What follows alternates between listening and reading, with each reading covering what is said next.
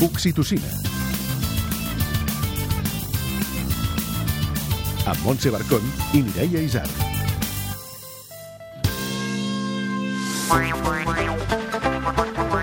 Sabeu què és una doula i com us pot ajudar durant l'embaràs, el postpart i la criança?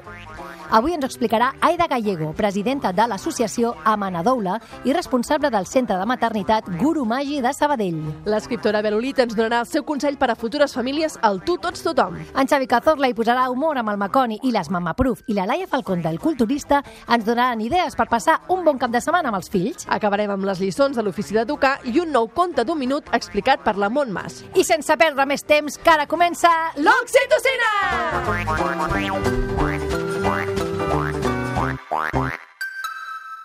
Tu, tots, tothom. Hola, sóc la Bel Olit i escric i llegeixo, sobretot. I tinc fills. Què no t'esperaves de la maternitat? Em va sorprendre totes les coses que no m'havien explicat i que me les vaig trobar i que llavors quan te les trobes dius, ostres, doncs esclar, evidentment que això havia de ser així.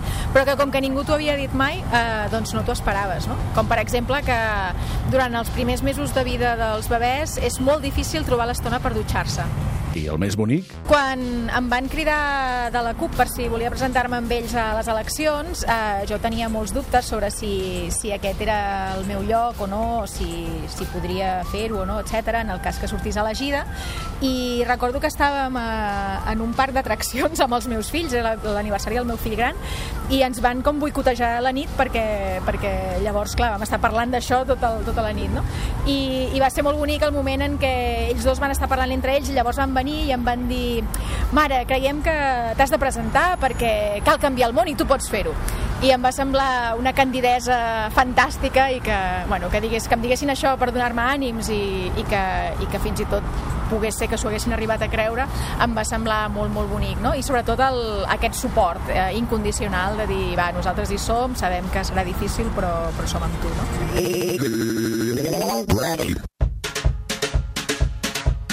Manual d'instruccions.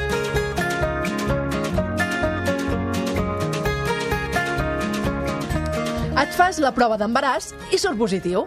A partir d'aquí, la il·lusió és tan gran com la mateixa por i els milions de dubtes. Ja no diguem el moment de parir o durant el postpart, que és probablement l'etapa amb més clarobscurs de la criança. Tothom opina, tothom us ve a veure, hi ha un control mèdic, però moltes, moltes, moltes vegades et sents sola. Doncs sí. Malgrat els intents de la parella, familiars, amics, et sents sola. Sí. Fa uns anys que haureu sentit parlar de les doules, però sabem realment què és una doula? Aida Gallego, presidenta de l'associació Amanadoula i responsable del centre de maternitat Guru Magi. Bona tarda. Hola, bona tarda.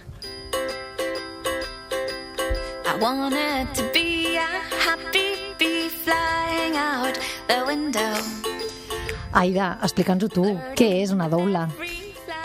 Què és una doula? Aquesta pregunta me la fan tant.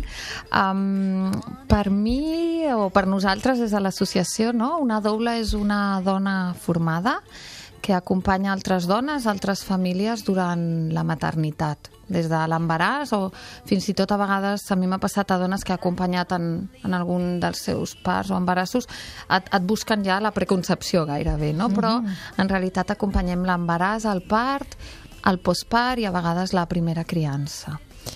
Quan dius acompanyar, et refereixes a nivell emocional. Nosaltres diem sempre que és com, un, com parar, no? És a, a acompanyar des del no fer, des de l'estar. Jo crec que vivim en, en un moment de fer, constantment tenim la sensació que si no faig, si no toco, si no arreglo, no? si no espatllo, no, no estic fent res, és tot el contrari, no? és una presència. A vegades recordo una mare que em va agradar molt quan em va dir, ostres, el que m'has fet és bombolla. I vaig dir, ostres, que xulo, no? És aquesta bombolla de, de sentir-te acollida, de Protegida. sentir-te protegida, però sobretot no jutjada, no qüestionada i el silenci durant la maternitat o no sé si, si, si us ha passat a totes, però el postpart és un moment de molta soledat, però no hi ha silenci. Tothom opina, el teu bebè plora, tu vols morir-te la majoria de vegades, altres vols tornar a viure, no? Però hi ha molt poc silenci on, on tu puguis escoltar el que sents, el que vols, el que t'està dient el teu bebè, el que t'està dient el teu postpart, no? I va ser molt bonic quan em va dir, bueno, em fas aquesta bombolla. Llavors, teniu, teniu una preparació que has dit que, que esteu formada això una mica de psicologia, podríem dir, més que... Nosaltres, en la nostra associació, el que fem és una formació molt, molt potent. Fa molts anys que, que fem aquesta formació. Tenim experts des de Michel Oden, no? que és l'obstetra eh, per excel·lència i, i una dona doula que fa molts anys, la Liliana, des de ginecòlegs, tenim psicòlegs, llevadores, neonatòlegs. Per nosaltres és molt, molt important entendre quin és el puzzle de la maternitat, que és què fa cadascú per entendre que tot allò no és el que hem de fer, perquè moltes vegades ha aquesta, és una línia molt fina Sí, que no hem de traspassar. a vegades, no? Normal, no? Com, com el molts... personal sanitari es pensa que, que sou en, Clar. en lloc de... I no, és, és No, més, no? Se suma, és Exacte. cosa més. Jo crec que el que deia del puzzle, no? Cadascú tenim la nostra puzzle de la maternitat, hi ha, puzzle, hi ha peces que són imprescindibles, no?, per posar, com és la, el bebè, no? la mamà, uh, la llevadora, etc. i després cadascú posem el que necessitem, no?, el que en la meva maternitat, en el meu puzzle maternal, quines peces em van bé, doncs potser necessito una doula, potser necessito una psicòloga perinatal, no? aquelles diferents eh, posicions. Moltes vegades, com a doula, eh, acompanyes a sortir una mica de la maternitat, també. Vas amb, no?, el que us deia d'aquest silenci, no? Ostres, anem a fer un cafè i deixem parlar de tetes, de bebès, de caques, de culos, Clar. de suegres, de maridos, no? Ostres, mira, no ho sé, eh? Has escoltat el nou disc? No l'has escoltat, tens un No, bebè, però... ni, ni hem llegit res, ni hem anat al teatre. Però, no? Um, llavors sí que hi ha una part emocional o logística fins i tot, no? De, ostres, quan ets mare penses que, que no podràs, no? I quan tens el segon penses que podràs menys i vas veient que vas podent. I és recordar una mica que podem, no? Que podem maternar, que podem acompanyar, que podem estar.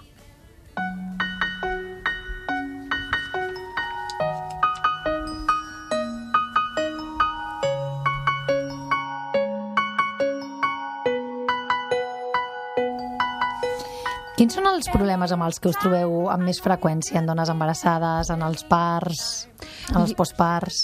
Penso que hi ha una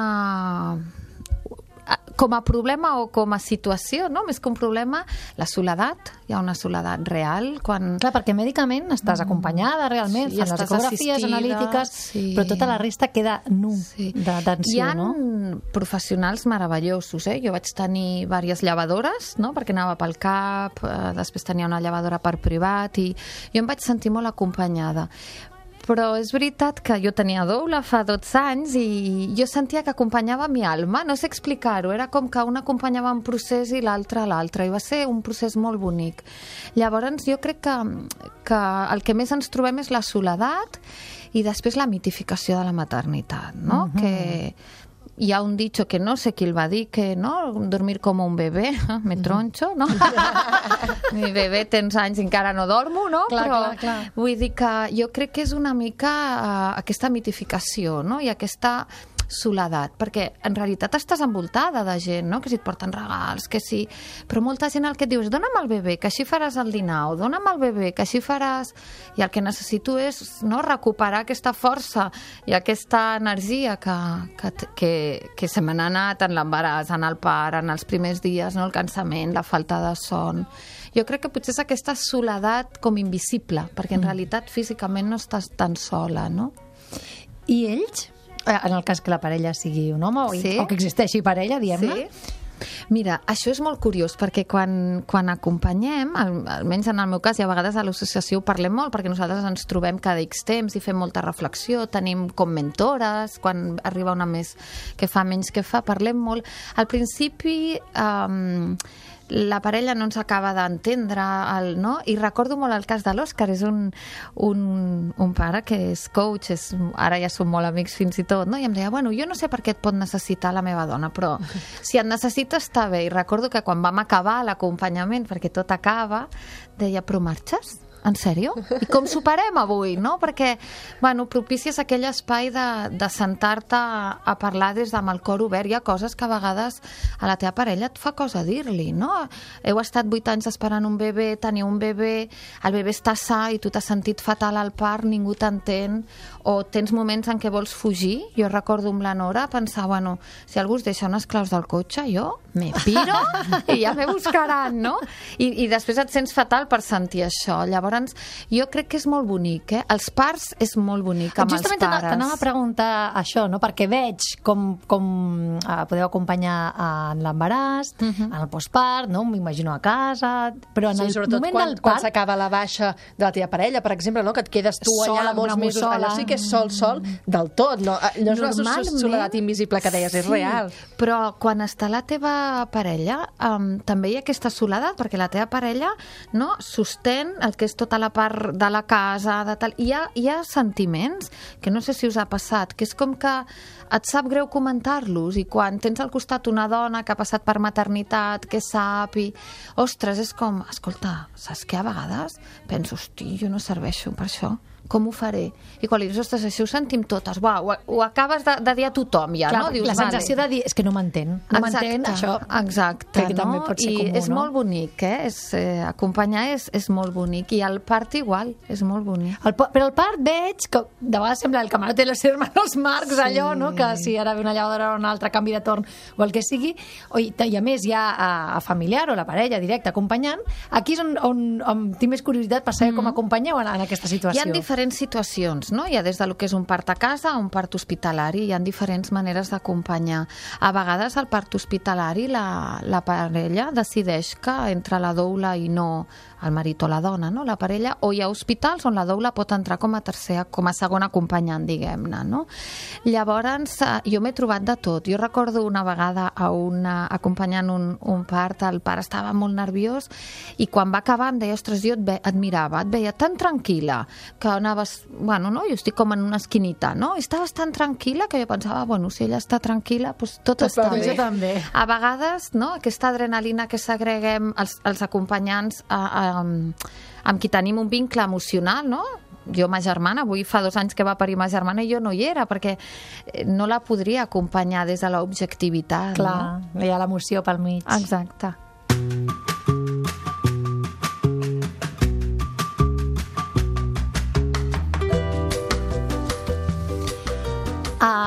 El sector sanitari, eh, imagino, no sé si ara, però en el seu moment va rebre malament les doules, no? Mhm. Ho Van rebre com una sensació d'intrusisme. Com, com ha anat aquesta relació? Amb infermers, llevadores... Mira, jo crec que... mm, Jo crec que, que el famós informe Doulas, que crec que aquest any ha fet dos o tres anys ja o més, no, no ho recordo amb exactitud, um, va fer mal, va fer mal i, i va fer mal a tothom, però jo crec que també va fer mal a les dones, perquè les dones que escullen ser acompanyades per una doula tenen tota la llibertat d'escollir el, que, el que volen, no? I potser a mi em va saber més greu aquesta part que la, que la meva com a doula. Mm. Nosaltres com a doules, eh, a la nostra formació tenim llevadores, ginecòlogues, eh, tenim bona relació sempre i quan el que deia al principi, no? que, que no traspassem el, la línia i això és molt important i com a totes les feines, professions hi ha intrusisme, hi ha mala praxis nosaltres a la nostra associació això ho tenim molt clar i tenim com, com grups de revisions, ens trobem molt sovint a la formació, per això nosaltres pràcticament estem tota la formació recordant què és el que no hem de fer, no? on no Clar, hem d'estar, no? on, on ens hem de separar. Va, eh, aquí això t'ho ha de dir una infermera, això t'ho ha de dir una llevadora, això no... sí. no... I això t'ho trobes. Jo recordo al principi, ara cada vegada menys, però a mi em preguntaven, bueno, llavors, si tu m'acompanyes al part, tu em diràs quan hem de marxar a casa. Jo? Ai, a, a l'hospital, perdó. Jo no tinc ni idea, ni jo... És que jo no, no he estudiat, o a vegades no, algú que diu, ostres, és que clar, el meu part no ho van fer bé jo no sóc qui valorar-ho, jo no tinc el coneixement, jo estic segura que tot el que succeeix en, no, en un entorn sanitari es fa sempre pensant que és el millor. Estic segura. Però altres països, per exemple, sí que està com més acceptat, Sí. no? I és més freqüent. No jo sé vaig si conèixer a Alemanya. Jo vaig viure uns anys a Alemanya i, i jo vaig conèixer la dula. A més, excepte aquí a tot arreu es diu dula, no? Uh, jo vaig conèixer la figura de la doula a, a Alemanya. I a Alemanya, no a tota Alemanya, però a molts llocs, per exemple, està com cobert per la seguretat social. Existeix Imagina't. el que és una Hausfrau, que és una dona que ve doncs, a donar-te, a ajudar-te una mica amb la casa, la compra, si necessites alguna cosa, i et ve també una Perdona, dula. això també entra en la seguretat social? No en tots els... Uh, Alemanya es mou una mica, no? Però sí, sí. No sé ara, eh? Jo vaig anar fa molts anys, perquè això va No, no, no, canviant. està bé, està bé. Però sí, sí, Holanda, no? Hi ha països on, on les figures estan com, com molt definides. Una de la, jo crec que una de les parts eh, que fa mal és el, no sé, una formació arreglada o, o una, no? Un, una professió arreglada, hi ha massa, massa gent, no? Potser opinant o, o veient. Per això per nosaltres és important el, el fet de, de la formació. A la nostra associació no hi ha més doules que les que s'han format amb nosaltres, per exemple. Si una parella o una mare um, us necessita, um, ha de fer molta previsió o es pot uh, buscar en qualsevol moment de, de la seva maternitat, és a dir, no cal que sigui abans de l'embaràs, Normalment, és anar a l'associació, sí, trucar o fer un mail, dir, exacte. mira, crec que necessito un acompanyament. Sí, exacte, passa això. I el primer que fem nosaltres és reunir-nos amb aquesta família i explicar-li què és una doula, perquè no tothom ho sap, eh? Ni la que busca una doula moltes vegades. Uh -huh. Sí. I després entre nosaltres eh, col·laborem molt, ens ajudem molt, ens, no? ens passem... Sí, aprenem molt, també. Ens acompanyem molt mentre acompanyem, no? Doncs ja ho sabeu, a Manadoula, no? Exacte. que us busquin si uh, algú que ens està escoltant uh, necessita aquest silenci, aquesta bombolla... Uh, o fer la formació, comencem oh, ara a ah, l'octubre, no? També per nosaltres és important i és un luxe escoltar professionals com l'Enrique Blai, la Anaheim Jordan, el Michel Oden, no? És gent espectacular. I Molta per cert, sí. pa- que el, el Guru Magi està a Sabadell també, si algú li, Ah, li sí? interessa Ah, clar, anar, anar, Guru anar al centre de, de l'Aida, parlar-hi cara a cara i conèixer-la. Que us faran molta, molta companyia. Sí, allà sí que ens ho passem bé. Molt bé. Aida, moltes gràcies per venir. A vosaltres per Fins tot.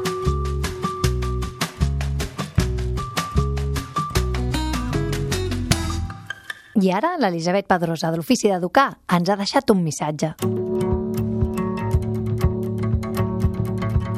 Aquesta setmana hem après que va més això de criar un fill sol i que d'aquestes famílies en podem aprendre molt.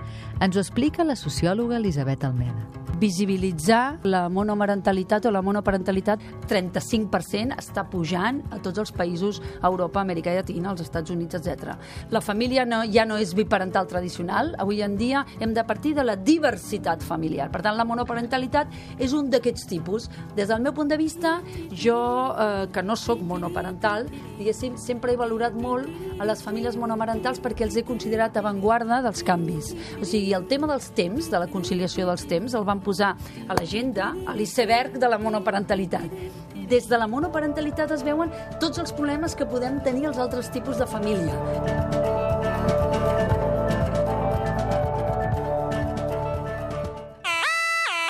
Whatsapps desesperats. Aquell moment en què arribes a casa aixafat, destruït mentalment per la feina i te'l trobes saltant al sofà, demanant jugar amb això. I quan al final es posa a dormir, que pots comptar que siguin les 10, quarts d'11, i tens els coixins del sofà regirats i el menjador tot desplegat, d'on treus tu l'energia? Maconi. El Maconi d'avui va dedicat a tots aquells pares que per fi a la seva vida s'han atrevit a aprofitar algun dia festiu, un cap de setmana o el que sigui un pont per marxar sense fills. A veure, no és fàcil, eh? D'entrada, tu quan estàs comprant els bitllets per regalar-li a la teva dona com a sorpresa un cap de setmana fora, et venen molts interrogants al cap. Li semblarà bé? Em mirarà amb cara estranya de què fas boig? Sóc un mal pare per fer-ho? Estic abandonant els meus fills? Quan tornem del cap de setmana m'hauran pres la custòdia per marxar sense ells? Per què el puto Ryanair em cobra per pujar la maleta a l'avió? Cop sorprens la teva parella amb uns bitllets d'avió, ella s'alegra, òbviament. Ho celebreu i compteu els dies per marxar, sobretot quan passes aquelles nits horribles de despertar-se 25 cops, de dormir al llit de la teva filla doblegat com un lego per poder caber-hi, mentre que la teva dona està dormint al teu llit amb l'altra filla. Aquelles nits que es van allargant i són dies, i aquells dies són mm, setmanes. Aquell augment de beneficis de Nespresso provocat per la falta d'hores de son acumulades i els cafès que t'has de fotre per sobreviure i rendir a la feina. Però es va costant el dia, i de cop caus en què no t'has buscat amb qui deixar les nenes, que estaves tan emocionat tatxant els dies del calendari que no els has buscat un cangur.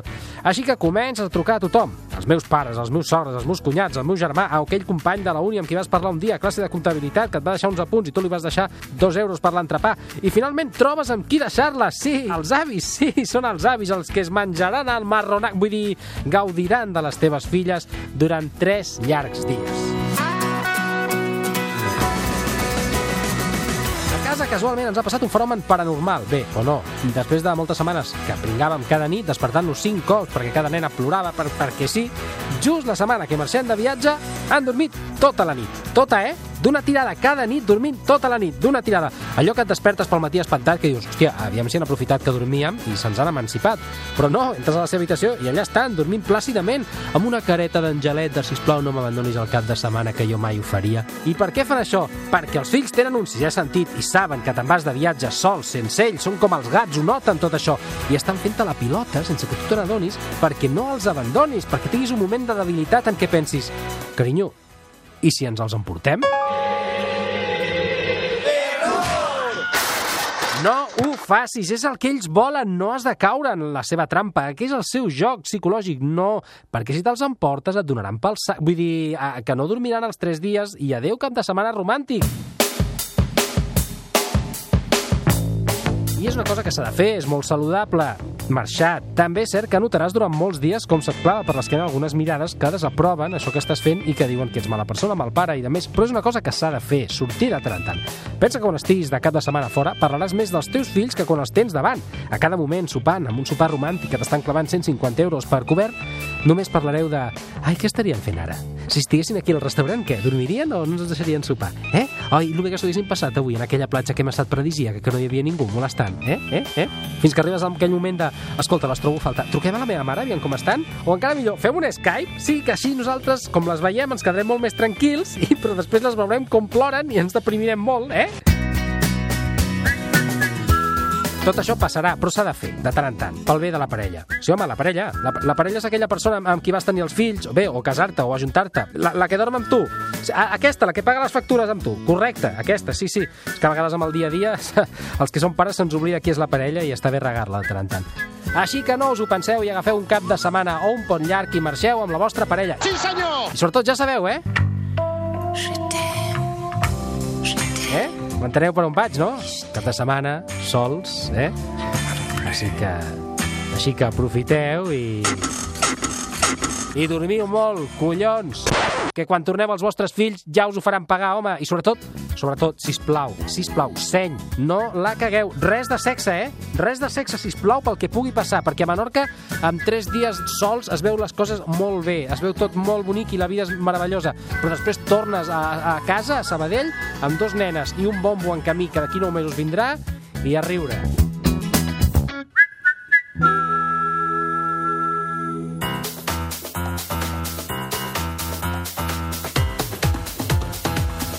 Culturista. Doncs tornem a ser aquí amb el culturista i la Laia Falcón, que ens porta les millors propostes culturals. Hola, com estàs? Hola, bon dia, bona tarda. Recordem que a part del que ens explica aquí, trobareu totes les propostes de la revista al culturista.cat. Eh? I, I edició en paper, també, que això, Sí, és- els és- romàntics, és És la que més m'agrada. L'edició en paper. Doncs a veure, avui què ens vols recomanar? Mira, avui eh, us parlaré d'una d'una companyia de teatre, de fet és una companyia de titelles de, i de teatre de taula. Eh, va canviar el nom del segell fa poc menys un any, que ara es diu, la companyia es diu La Sola, i la porta l'Helena de Sola, que abans tenia una, la companyia que es deia Sola i Tuli.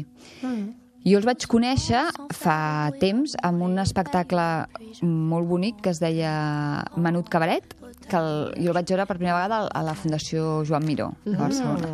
I era molt bonic. Era un espectacle tot de- d'objectes, imants i figures sense text, eh, brutal, perquè és d'aquest teatre molt pausat, que potser no estem tan acostumats ara, i, i diguem, per no tenir text i la, i la durada es fa molt agradable, es segueix bé, hi ha molt d'humor, perquè la- l'Helena, a més, és clown, i llavors barreja molts registres amb el mateix espectacle. Llavors és fàcil que els nens de diferents edats també ho segueixin sí, bé, no? Sí, de fet, eh, és un d'aquests que, la, que la franja d'edat és bastant versàtil. No diria que és per nadons, de 0-3, però sí que a partir de 3-4 té diferents motivacions l'obra com per, perquè t'atrapi. I ara eh, està preparant, un, de fet, sortirà en breu un nou espectacle que es diu Circulant, uh -huh. eh, que aquest ja és amb aquest nom nou de la companyia, la Sola, i és un, està molt bé perquè combina molt, molt eh, tipologia de titelles diferents, que no sempre és fàcil de veure, és a dir, ell fa, ella fa teatre d'objectes que per mi és, és la seva especialitat, però després titelles de, de guant, de fils, de varetes... Que bonic. Eh, sí, Sí, sí, és molt ganes de bonic. veure I se les això. fa ella, també, les titelles? Uh, sí, de fet, ella, a part, fan tallers de titelles, la companyia. Uh -huh. I les fa amb altres col·laboradors artesans i fa unes coses magnífiques. I aquest circulant es basa en un espectacle de circ, molt divertit. És un espectacle de circ que no se'n surt com engegar, perquè el que ha de fer equilibris no té equilibri, um, han perdut els animals, hi ha diferents eh, allò, motius desastrosos per poder engegar. Hi ha uns homes bala boníssims, els titelles dels homes bala són per mi els millors, molt, molt guapo. I, I amb l'ajuda del públic sembla ser que se'n sortirà a portar el, el circ en marxa. Doncs ens apuntem la companyia Sola, Sola. Exacte. eh, l'espectacle circulant, però bé, si mai veiem que el nostre poble o ciutat en fa algun altre, anem-hi de cap, no? Així, així doncs moltes gràcies, Laia Falcón, del Culturista. Recordeu el culturista.cat, trobareu més propostes. Gràcies. Gràcies. Adéu. Adéu.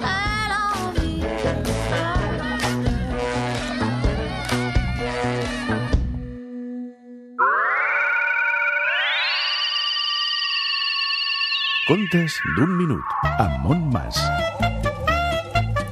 El príncep dels cabells daurats i la princesa dels cabells daurats vivien a la torre més alta del castell i s'avorrien, s'avorrien moltíssim. Però vet aquí un dia que el príncep dels cabells daurats i la princesa dels cabells daurats es van fer un petó i de sobte es va sentir plucap no ho diríeu mai. La princesa i el príncep es van convertir en granotes. Aleshores, aleshores no s'ho van pensar més. Van deixar aquella torre tan alta i van anar a viure per sempre més al fosar del castell. I van ser molt, però que molt feliços. I van menjar molts, però que molts anissos. I moltes, però que moltes mosques.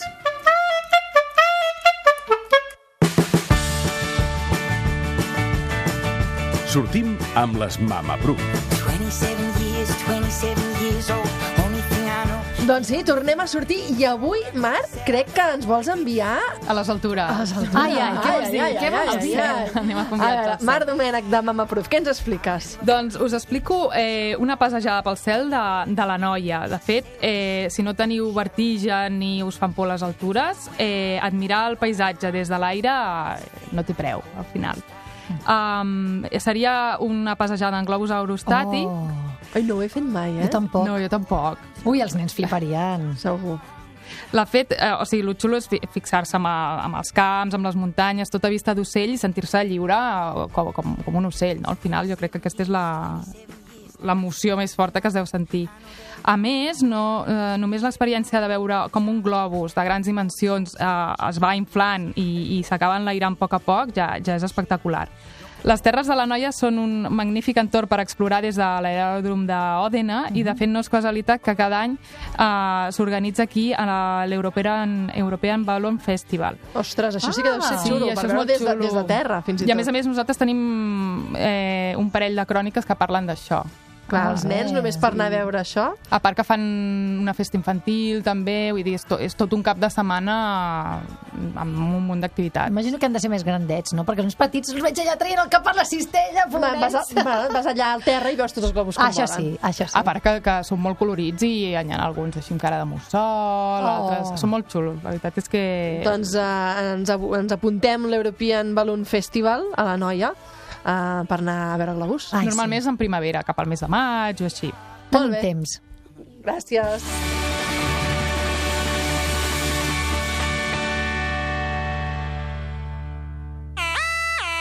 Whatsapps desesperats. Es passa el dia tocant-me les popes com si fos un obsès i sintonitzant la ràdio amb el mugró.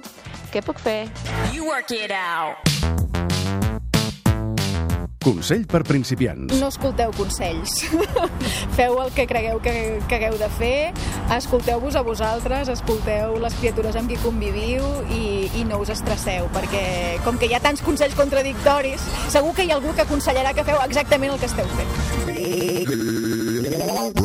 La setmana vinent, més oxitocina.